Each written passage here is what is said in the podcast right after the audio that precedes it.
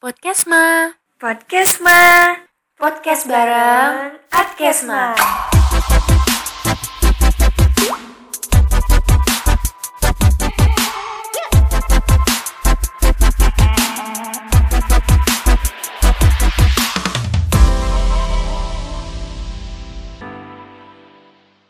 Halo Kema Visip, selamat datang di Podcastma, podcast bareng Adkesma bersama aku, Cynthia, dan partner aku, Nadia Veranda. Yang pada kesempatan kali ini bakal ngebahas seputar mental health nih. Nah, tapi aku sama Nadia nggak cuma berdua aja, tapi juga ada tamu-tamu lain, yaitu Kamayang sama Kalina. Nah, mungkin biar lebih kenal, boleh nih dari Kalina dulu yang kenalin diri dan cerita kesibukannya apa sekarang. Halo Cynthia, halo Nadia, ada Mayang juga di sini dan halo Kemah Visip semua. Kenalin, ini aku nggak apa-apa kan ngomong pakai gue lu aja? Iya, nggak boleh, boleh, boleh. Oke, kenalin gue Lenina. Saat ini masih mahasiswa aktif jurusan Ilmu Politik angkatan 2017 dan kesibukan karena mahasiswa terus juga masih aktif di Laiman itu London International MUN. Jadi karena di tahun 2021 gue jadi head delegate, akhirnya di tahun 2022 harus jadi faculty advisor. Ya semacam mentor gitulah yang nanti ngajarin MUN ke anak-anaknya. So far itu untuk kesibukan gue. Coba kita lihat Mayang. Langsung ngelempar gitu ya sistemnya. Aduh. Boleh Kamayang eh, perkenalan diri sama ceritain kesibukannya sekarang lagi ngapain sih, Kak? Oke, halo Kema Visip semua. Eh, gue Mayang. Gue pakai gue lo aja kali ya, biar sama kayak Lenina, nggak mau kalah. Oke, oke, boleh, boleh. Siap. Visip 2018, kebetulan gue ada tingkat Lenina juga nih di ilmu politik. Nah, kesibukan saat ini apa ya? Biasalah mahasiswa ngerjain tuh lagi UAS ya kan. Terus juga mulai ngerjain skripsi karena gue udah semester 6, hektisis. Terus sama sebagai Wakadep Adkesma, gila. Nih, gue isi podcast sendiri. Emang kontribut anaknya ya. ya biasa lah. Ya biasa. Berarti kesibukan gue sekarang lagi di BEM sih gitu. Eh, jadi sebenarnya Kak Mayang ini nih sebenarnya ibu aku sama Nadia nih sebenarnya cuma juga berhubung dia juga mau sharing ya jadi sekalian aja narasumber dong biar biar lebih ini ya biar lebih makin akrab juga sama uh, kema visipnya Tapi sistemnya jadi kayak ini ya, jadi kayak gue eksis sendiri gitu ya. mau numpang. Punya Gak apa-apa dong, gak apa-apa dong. Iya. Kan banyak juga mungkin mungkin dari kema visip juga ada yang nggak tahu nih Kak Mayang kalau misalnya eh, ngejabat jadi wakadep kan Hmm, gitu. benar-benar. Nah, jadi biar kenalan. Nah, kan eh, tadi udah Kama yang sama Kalina ini udah cerita nih tentang kesibukan dari Kak Lenina sendiri tuh ikut London International MUN kan, sama sibuk juga skripsian. Nah, kalau eh, dari Kak Lenina, mungkin Kalina dulu ya, di-mention dulu ya, karena tadi udah Boleh, cerita boleh. pertama. Kalina ini nih, eh, kenapa sih ikutan eh, London International MUN ini, padahal juga lagi skripsian? Alasannya itu apa dan motivasinya itu apa ikut itu? Alasan aku sebenarnya, wah kalau di breakdown cukup panjang ya. Tapi intinya adalah waktu gue semester 5 mau ke 6, pasti kan ada pilihan ya, either gue mau lulus cepet kayak orang pada normalnya, atau gue lulus agak lama tapi pengalamannya agak banyak gitu. Nah, karena gue sendiri apa ya flashback ke bagian semester awal gue tuh gue cukup puas orangnya kayak cepet puas lah di mana gue pengen masuk unpad waktu SMA terus waktu masuk unpad ya udah gitu kayak setelahnya nggak kurang kurang apa ya kurang ambisi gitu loh setelah ini gue mau ngapain. Nah itu tuh baru gue sadar di semester 5 akhirnya jadi semester 5 tuh gue lebih banyak lagi untuk lomba akademik mulai dari debat terus eh, publish ke jurnal gitu. Cuman karena apa ya istilahnya apalagi gitu loh yang mau gue tingkatin misalnya magang atau ikut MUN gitu. Nah itu gue belum pernah jadi gue mau coba. So akhirnya gue mikir nggak apa-apa lah gue lulus agak lama tapi gue masih bisa punya pengalaman beberapa karena nggak juga banyak orang yang lulus cepat tapi dia belum punya pengalaman seberapa banyak nah gue tuh bukan orang yang memilih jalur demikian jadi gue berani banting setir lah ke arah sana gitu singkatnya Hmm, gitu. Jadi uh, mumpung masih uh, masih kuliah gitu, masih ada kesempatan. Jadi uh, Kak Lelina ini uh, ngisi ngisi waktunya itu buat nambah pengalaman ya. Iya keren banget sampai kayak ikut London MUN gitu. Wah, gue nggak kebayang sih kayak sibuknya dan sesusah apa masuk situ ya nggak sih, Cin? keren banget sih. Nah, kalau Kamayang sendiri, kan tadi aku denger uh, Kamayang tuh aktif di BEM, terus sekarang sampai jadi Wakadep Adkesma. Nah, itu apa yang memotivasi Kamayang tuh bisa sampai jadi Wakadep Adkesma gitu kan keren banget. Boleh diceritain dong, Kak? Oke, okay. sebenarnya beda sama Lenina yang anaknya akademis banget ya. Gue tuh sebenarnya tidak akademis banget justru gitu. Gue uh, lebih suka bersosialisasi, berorganisasi gitu.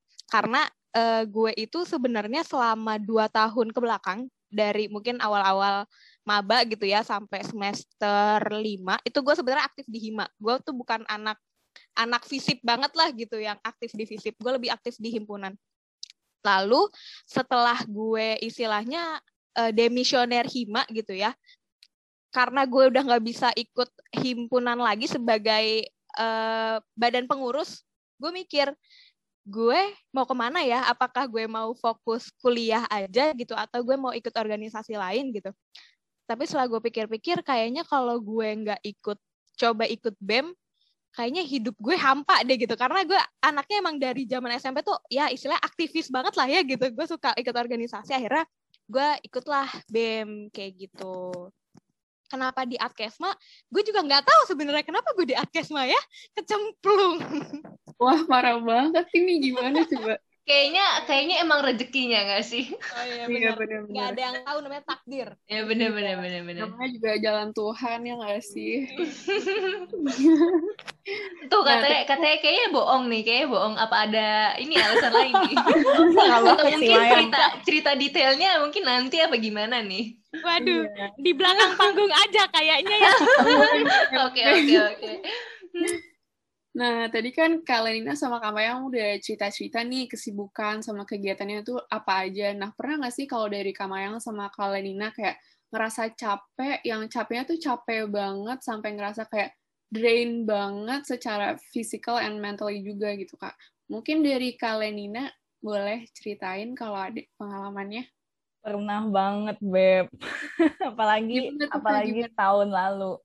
Jadi kayak kayak tadi yang gue udah sempat cerita dikit kan kayak gue tuh baru pring tersadar lah istilahnya tuh di semester 5 bahwa ih selama ini gue cepet puas gitu. Nah akhirnya gue memaksimalkan waktu yang tersisa tuh dengan ya udah gue sampai dulu punya mindset kalau gue nggak kerja atau ngelakuin sesuatu dalam satu hari di luar sana banyak musuh lu yang jadi one step ahead of you gitu loh. Nah akhirnya gue ya udah bener-bener kerja setiap hari maksudnya kayak ya apa ya belajar macam-macam gitu loh yang waktu tahun lalu kan pandemi terus di rumah jadi lebih karuan lagi lah jadwalnya. Sampai akhirnya akhir-akhir tahun 2020 itu gue ngerasa capek gitu loh. Ngerasa capek karena gue second guess. Gue mungkin udah dapet ini itu secara achievement lah ya tapi gue selalu ngerasa nggak puas gitu. Sampai akhirnya gue tuh ceritalah sama temen gue ini kenapa. Terus dia nanya lu pasang jadwal harian nggak? Gue bilang lah gue pasang. Ya itu tadi yang setiap hari gue mesti ngerjain apa aja. Gak mesti per hari pun dalam satu waktu gitu ya gue list lagi reminder gue mesti ngapa-ngapain aja. Terus udahnya gue cerita gitu temen gue bilang ini lu parah banget. Maksudnya kenapa nggak ada waktu sehari pun dalam seminggu lu istirahat gitu? Ya gue jawab kan gue takut. Soalnya tadi gue takut kayak waktunya tinggal sedikit. Jadi ya ya udahlah. Jadinya ini semua gue padetin. Karena balik lagi mindset si toxic gue yang dulu itu loh. Kalau misalnya gue males sehari nanti orang lain bakal ya ada di atas gue gitu. Terus temen gue lah ngasih saran jangan kayak gitu coba aja dalam satu minggu mulai satu hari kosongin buat istirahat. Nggak mesti keluar lah mestinya apa meskipun di rumah lu melakukan apa yang lu senengin nggak mesti kerja gitu. Awalnya awalnya susah banget karena ya kebiasaan nggak gabut gitu loh kan. Cuman ya akhirnya dibiasain dan teman-temannya juga suportif kayak ngingetin kalau kerja gini-gini nggak apa-apa. Cuman ya baik lagi lu harus istirahat gitu. Nah dari situ gue juga belajar bahwa yang paling penting adalah menghargai gimana progres diri gue bukan membandingkan ke orang lain gitu guys.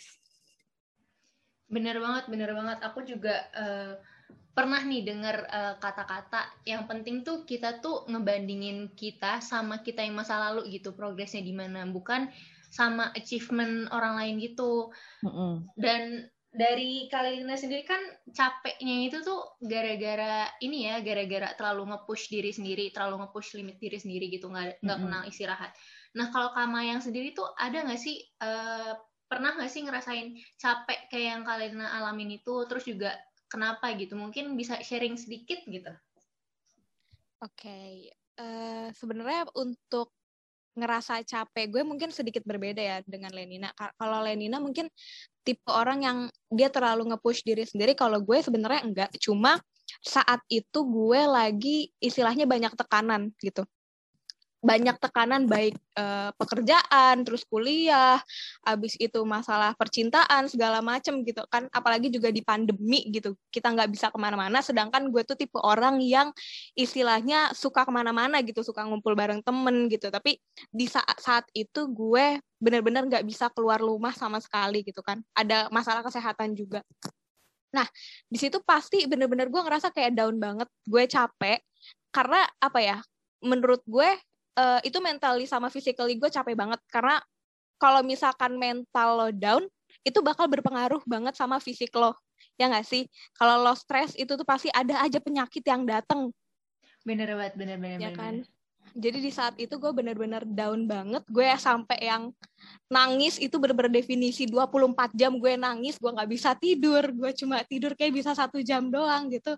Akhirnya ya udahlah. Tapi lama-lama gue kayak berusaha kalau misalkan semua masalah datang bersamaan ini benar-benar harus gue selesain satu-satu gitu kan. Jadi ya udah mulai gue selesain satu-satu permasalahan gue ya abis itu setelah itu ya apa ya istilahnya udah mulai lega lah gitu.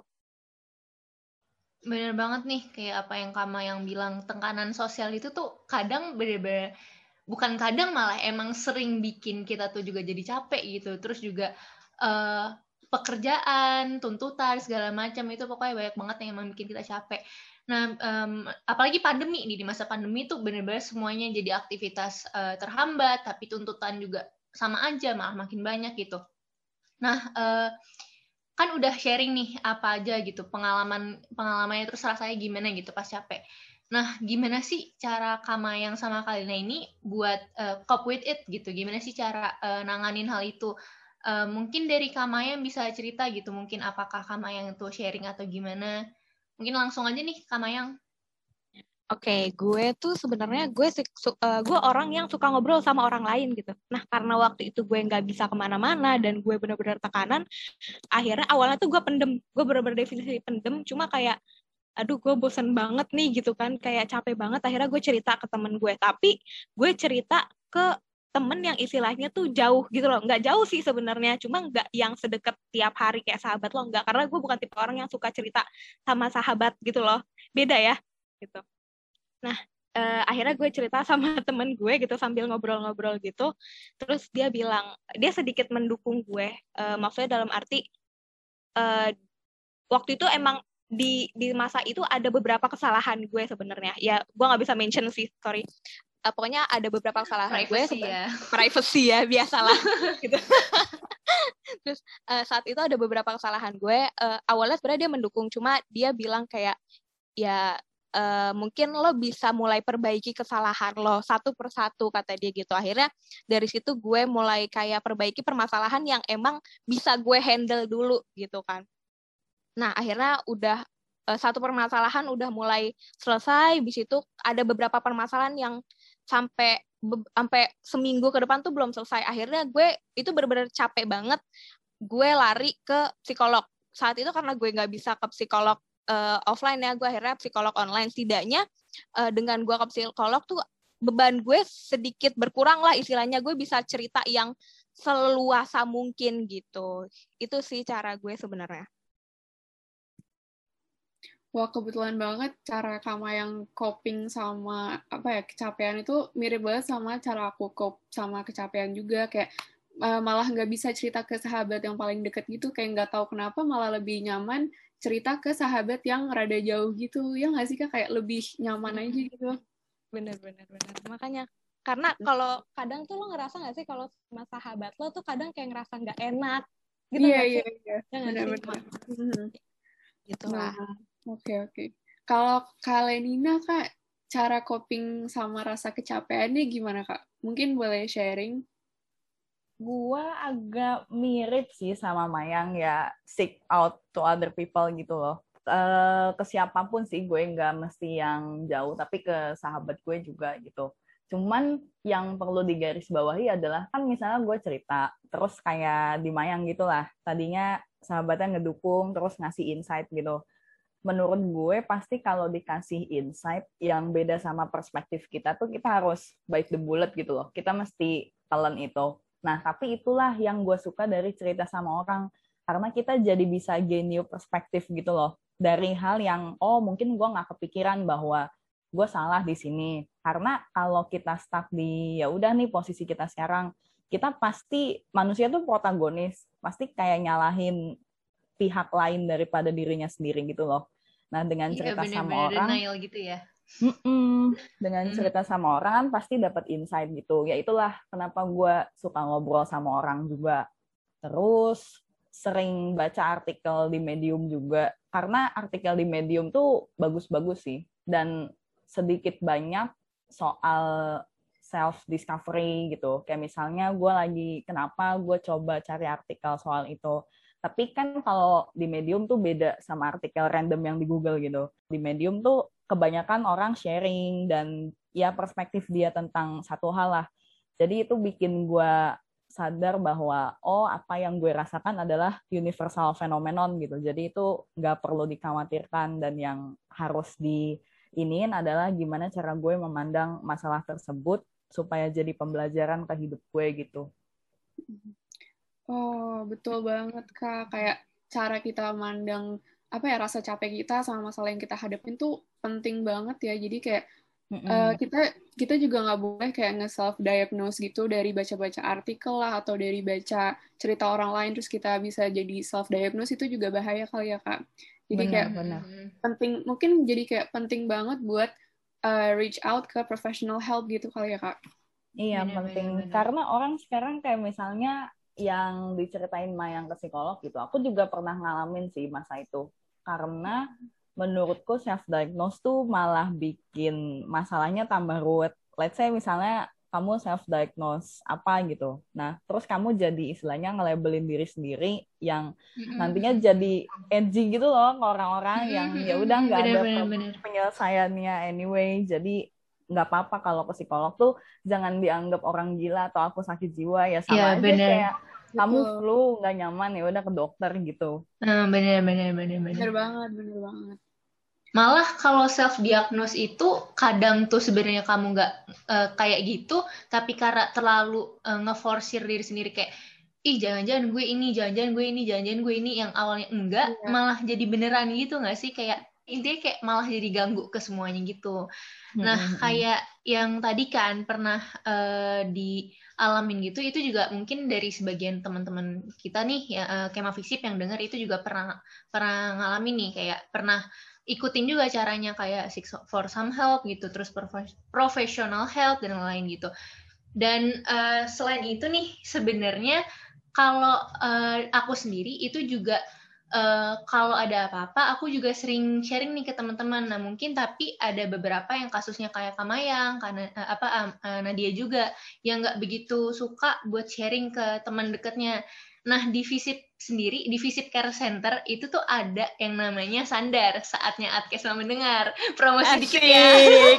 Promosi dikit ya. Mantap, Dan mantap.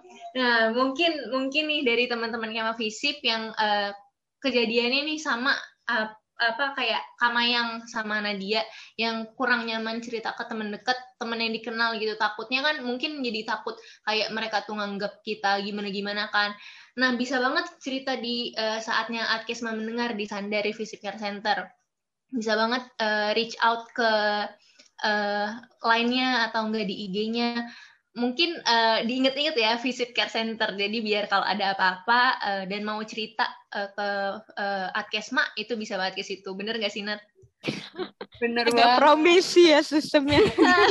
iya dong. Waduh, marketing S3 nggak sih ini Cynthia? Oke, jadi mm, Nah, tadi kan kita udah denger nih kayak kesibukan-kesibukannya Kak Mayang sama Kak Lenina, terus tadi kita juga udah dengar uh, apa namanya kecapean-kecapeannya juga kayak gimana. Nah, dari pengalaman-pengalaman itu uh, pernah nggak sih Kak Mayang sama Kak Lenina ngalamin kayak suatu kejadian atau satu pengalaman yang uh, bikin Kak Lenina sama Kak Mayang tuh nyesel ngelakuin hal itu dan mungkin bisa di-sharing biar uh, pendengar pendengar podcast Ma ini bisa kayak mencegah uh, hal itu uh, terjadi gitu. Mungkin bisa dimulai dari Kak Mayang. Oke. Uh, gue sebenarnya itu pernah menyesal apa yang gue lakukan pernah gitu. Dulu itu gue tipe orang yang uh, susah banget dikritik. Sebenarnya bukan susah dikritik sih, gue tuh gampang tersinggung. Kalau gue dikritik itu tandanya berarti gue salah gitu. Dan gue tuh kayak me apa ya kayak bikin tameng sendirilah kayak denial istilahnya gitu. Jadi saat itu gue uh, dikritik lah istilahnya. Bukan dikritik sebenarnya gue menyampaikan opini tapi opini orang lain tuh beda sama gue gitu. Nah situ tuh gue karena mungkin gue juga lagi down ya istilahnya gue lagi capek gue mental gue juga lagi nggak fit fit banget gitu. Nah setelah gue uh, dikritik gue tuh kayak marah gitu loh bener-bener marah. Tapi itu tuh ke temen deket gue. Nah dari situ gue setelah sebenarnya gue nggak berniat buat marah ke dia cuma kayak nggak uh, sengaja gitu loh. Tiba-tiba kayak emosi aja gitu. Nah terus abis itu gue setelah gue marah gue menyesal gitu. Dalam arti kayak aduh gue kenapa kayak gitu tadi? Gitu. Pasti setelah itu gue bener-bener menyendiri gue nangis gue kayak merasa bersalah gitu. Dan apa ya kayak uh, istilahnya gue kayak aduh gue nggak bisa nih kayak gini gitu kan. Kayak abis itu setelah itu gue minta maaf sama teman-teman gue terus ya udah gitu mereka kayak maafin. Tapi di satu sisi gue kayak merasa kok gue gitu ya? Ada apa sih dengan gue? gitu loh. Dan itu kejadian nggak sekali dua kali beberapa kali gitu loh. Dan gue merasa kayak aduh nih kayaknya nggak bisa dibiarin terus kayak gini nih. Gue harus kayak mencari apa ya mencari cara biar gue nggak nggak jadi anti kritik gitu loh. Akhirnya ya udah gue menyelesaikan balik lagi tadi ke psikolog gitu sih Bener banget nih. Jadi sebelum kita tuh uh, ngelakuin sebuah tindakan itu emang lebih baik lagi kita tuh ngenalin diri sendiri. Yang paling penting itu kita tuh sadar akan kesalahan kita juga nggak sih? Kayak uh, kalau kita nggak sadar justru malah jadi susah ke depannya. Kayak kita juga Benar. mau cerita ke orang juga nggak ngerti. Mereka mereka kita aja nggak ngerti gitu. Gimana mereka mau ngerti gitu.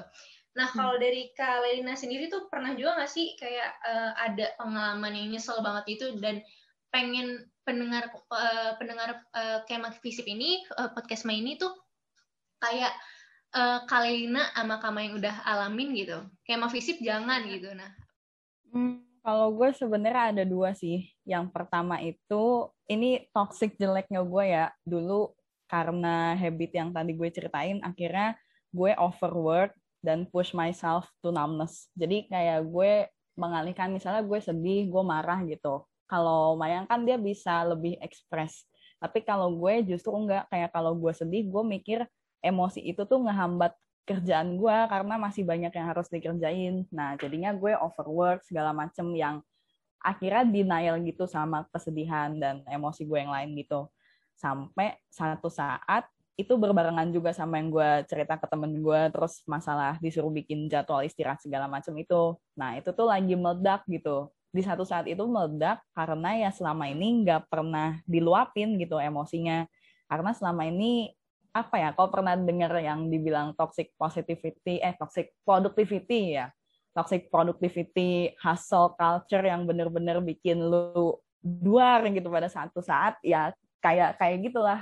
Jadi kitanya kerja terus karena mikir emosi itu nyusahin tapi itu sebenarnya penting gitu cuman yang nggak dalam skala yang berlebihan juga dalam artian misalnya kita sedih ya udah anggaplah kita sedih dan take your time to cry gitu loh Tapi setelah itu kamu harus kembali lagi lebih kuat. Nah, terus yang kedua adalah masalah comparing myself to others. Karena ini lagi-lagi karena pandemi ya emang. Jadi kan kayak nggak ketemu ya, orang ya. banyak. Terus kayak ngelihat sesuatu tuh dari sosmed di online gitu. Nah, karena keadaan gue yang lagi gencar-gencarnya, lagi ambis-ambisnya gitu ya terus ngeliat orang lain tuh kayak udah selalu di atas gue kayak orang seumuran seangkatan gue tuh udah ini itu tapi gue masih yang di sini sini aja lah istilahnya. Tuh kayak yang gue sampai males buka LinkedIn gitu loh. Kayak gue nggak takut IG sebenarnya gue nggak takut IG yang kayak dibilang insecure karena penampilan. Gak gue kayak lebih takut LinkedIn dulu tuh. Nah, sampai akhirnya karena di IG ada beberapa yang flexing juga, tuh kayak gue mute orang-orang yang suka flexing tuh. di situ akhirnya gue belajar kayak ini sebenarnya ujian aja. Karena misalnya gue udah lulus gue akan ketemu teman kantor lah atau teman apa pun yang usianya sebaya sama gue tapi mereka udah jadi CEO segala macem gitu. Nah kayak gitu kan nggak bisa kita hindari. Tapi ya yang paling penting lagi tadi gimana kita ngehargain progres diri kita. Misalnya di tahun 2020 kita masih di level 4 lah katakan Terus tahun 2021 ini kita udah naik satu tingkat. Atau ya perkembangan sederhana yang bisa masing-masing define sendiri, itu tuh yang paling penting buat dihargain. Jangan comparing ke orang lain gitu, guys. Tapi gue setuju sih dengan uh, statement Lenina tadi. Bukan statement sih, kayak comparing ourselves to others tuh itu bahaya banget menurut aku. Mm-hmm. Apalagi LinkedIn tuh bener-bener bikin insecure banget sih. Gue setuju kali ini. Nah karena, suah, karena kalau gue ngelihat kayak teman-teman gue tuh kayak, contohnya lo aja nih Len, kayak lo tuh bener-bener yang lo ikut nih. iya iya lo tuh kayak MUN terus sering menang lomba debat gitu gue tuh sempet kayak insecure kayak aduh kok gue nggak bisa ya gue kok nggak bisa menang gitu-gitu tapi setelah uh, ke sini makin ke sini gue makin sadar karena diri gue tuh bukan ke arah situ. Mungkin kalau Lenina anaknya akademis banget gue tuh nggak gue tuh nggak bisa gitu loh. Mending gue kayak mengembangkan diri gue ke uh, hal yang sesuai passion gue gitu. Dalam arti benar, kayak benar. ya kan gue suka organisasi ya udah gue ikut bem gitu. Atau gue suka misalkan nge MC ya udah gue tingkatin lagi uh, eh, MC gue kayak gitu-gitu sih sebenarnya Mm-mm, karena backgroundnya beda juga sih. Menurut gue kayak oke okay lah kita beda background. Jadi kalau Mayang ke sana, terus kayak misalnya yang sama backgroundnya pun juga pasti ada bedanya. Misalnya kamu beda sekolah dulu, terus secara modal atau asetnya tuh udah beda. Dan mungkin mm-hmm, si orang yang udah lebih maju itu udah nemuin passion atau tujuan hidup dia tuh lebih awal dari kita. Jadi yang nggak pernah bisa untuk di compare dan samain gitulah. Itu never justified. Bener banget, kayak ibaratnya tuh uh, bunga yang ditanam di pot uh, di lingkungan yang sama aja belum tentu mereka tuh mekarnya tuh barengan gitu. Mungkin yes. kayak beda beberapa menit kan, beda beberapa hari dan itu nggak bisa disamain dong. Bener gak sih Nat? Betul banget sih, kayak menurut gue juga tuh kayak setiap orang tuh punya resep sukses yang beda-beda gitu. Jadi kayak kalau misalkan hmm, bener banget kalau misalnya orang lain sukses duluan daripada gue ya gak apa-apa. Itu mungkin udah jalan dia dari Tuhan gitu ya ya nggak sih? Hmm, bener banget bener banget. Jalan Tuhan udah nggak bisa banget itu diganggu gugat. Udah kayak ya udahlah ya. Kayak oh mungkin jalannya kali ya. Jalan gue beda gitu. Jadi ya, ya udahlah ya. Kayak pepatah rezeki nggak ke mana tuh menurut gue bener hmm, banget bener banget bener banget. Iya makanya. Nah nah tadi kan udah ini ya kita ngomongin kayak uh, apa namanya kayak bandingin achievement diri sendiri sama orang lain, sama kayak insecure LinkedIn lah, Instagram lah kayak gitu-gitu. Nah, uh, mungkin dari Kak Lenina sama Kak Mayang ada kayak saran nih buat teman-teman yang merasa hidupnya tuh lagi stuck di rumah aja, terus kayak overthinking banget, terus yang sering bandingin achievement diri sendiri sama orang lain. Boleh dong kayak uh, apa ya kasih saran atau kayak suatu kata-kata mungkin buat mereka yang lagi ngerasa kayak gitu. Mungkin boleh dari Kalenina dulu. Menurut gue, untuk kema fisip yang lagi merasakan itu, take your time to admit your vulnerability. Kayak lu ambil waktu buat, ya udah admit gue sedih, buat admit emotions lu lah, apa pun gitu. Tapi setelah lu admit your emotions, lu take a step, lu beraniin buat ambil langkah gitu loh Karena menurut gue kalau ya udah lu butuh waktu pertama buat mental comforting udah beres, ya sekarang adalah saatnya buat lu ambil step atau strategi gimana caranya lu bisa jadi satu ya udah bisa meraih goal lu gitu loh. Karena misalnya kita insecure karena entahlah secara fisik atau achievement or anything ya gitu. Pasti kan berarti kita mindset kita gitu ya kereduksi bahwa oh kita tuh belum sesempurna goal yang mau kita reach gitu. Ya udah kalau kamu mau nge-reach goal itu hal apa yang masih kurang gitu. Setelah kita admit emotions ya udah break it down into series of goal yang bisa ngebantu kamu meraih ke goal yang gede itu loh. Jadi nggak susah-susah amat. Misalnya sesimpel apa ya anak fisip biasanya let's say mau jadi diplomat lah atau PNS gitu ya udah misalnya dari sekarang kamu mulai cari tahu gimana public speaking yang baik dan benar. Terus ikut MUN, misalnya kalau kamu mau jadi diplomat atau ya apa pun lah gitu. Itu kan berarti kayak udah a little step supaya kamu paham di kerjaan ini nanti tuh kayak gimana. Yang akhirnya kamu jadi nggak insecure-insecure amat lah karena you're going to your goal gitu loh. Kamu ya udah berprogres ke goal itu sendiri Nah, setelah itu ya udah kamu selalu refleksi ke diri kamu bahwa kamu udah bertumbuh dari yang dulu gitu. Yang mungkin masih belum bisa apa-apa, dari yang modal berani doang hingga sekarang udah mencoba sesuatu yang wah sudah bisa bertumbuh nih gitu. Tapi ya balik lagi kamu harus define goalnya itu dulu supaya ketika kamu lihat ke orang lain kamu nggak yang minder atau insecure yang istilahnya padahal jalan ninjanya udah beda aja dari awal gitu. Bener banget nih uh, kata Kalina. Yang penting balik lagi, yang penting kita tuh harus kenal sama diri kita sendiri, kenal sama nggak cuma kelebihan doang, tapi juga ke kekurangan kita. Karena uh, kalau kita tuh tahu kekurangan kita di mana, kita tuh bisa perbaikin gitu. Tapi kalau kita denial, itu malah uh, kekurangan itu tuh terus-terusan ada gitu. Nah mungkin dari Kamayang gimana nih uh, saran buat uh, para kemah fisik gimana? Oke, okay. uh, sebenarnya menurut gue kalau misalkan lo punya orang yang menginspirasi lo, itu sebenarnya nggak apa-apa. Tapi jadikan dia inspirasi lo untuk uh, diri lo supaya bisa lebih maju. Tapi jangan membandingkan diri lo uh, dengan dia dan menjadikan diri lo tuh rendah itu salah gitu loh. Nah, karena menurut gue uh, pasti setiap orang kan punya inspirasi lah, uh, punya panutan lah ya istilahnya gitu. Nggak apa-apa menurut gue. Nah tadi gue setuju dengan uh, Ledina, uh, lo kalau bisa lo bikin step-step yang apa ya, yang mengembangkan potensi lo kayak gitu. Dan tapi menurut gue juga jangan jangan terlalu dipush gitu loh. Lo harus punya waktu untuk diri lo sendiri supaya enjoy kayak gitu. Gitu aja sih sebenarnya. Hmm, bener banget. Yang penting balik lagi, apa pun yang kita lakuin itu kita harus enjoy juga. Karena buat apa kita ngelakuin sesuatu kalau kita sendiri tuh nggak enjoy. Bener nggak sih Inat? Bener nggak sih Kamayang, Kalina betul, juga? Benar-benar. Hmm. Betul, betul. nah, uh, kalau gini nih, kita udah kayaknya udah di penghujung acara kali ya.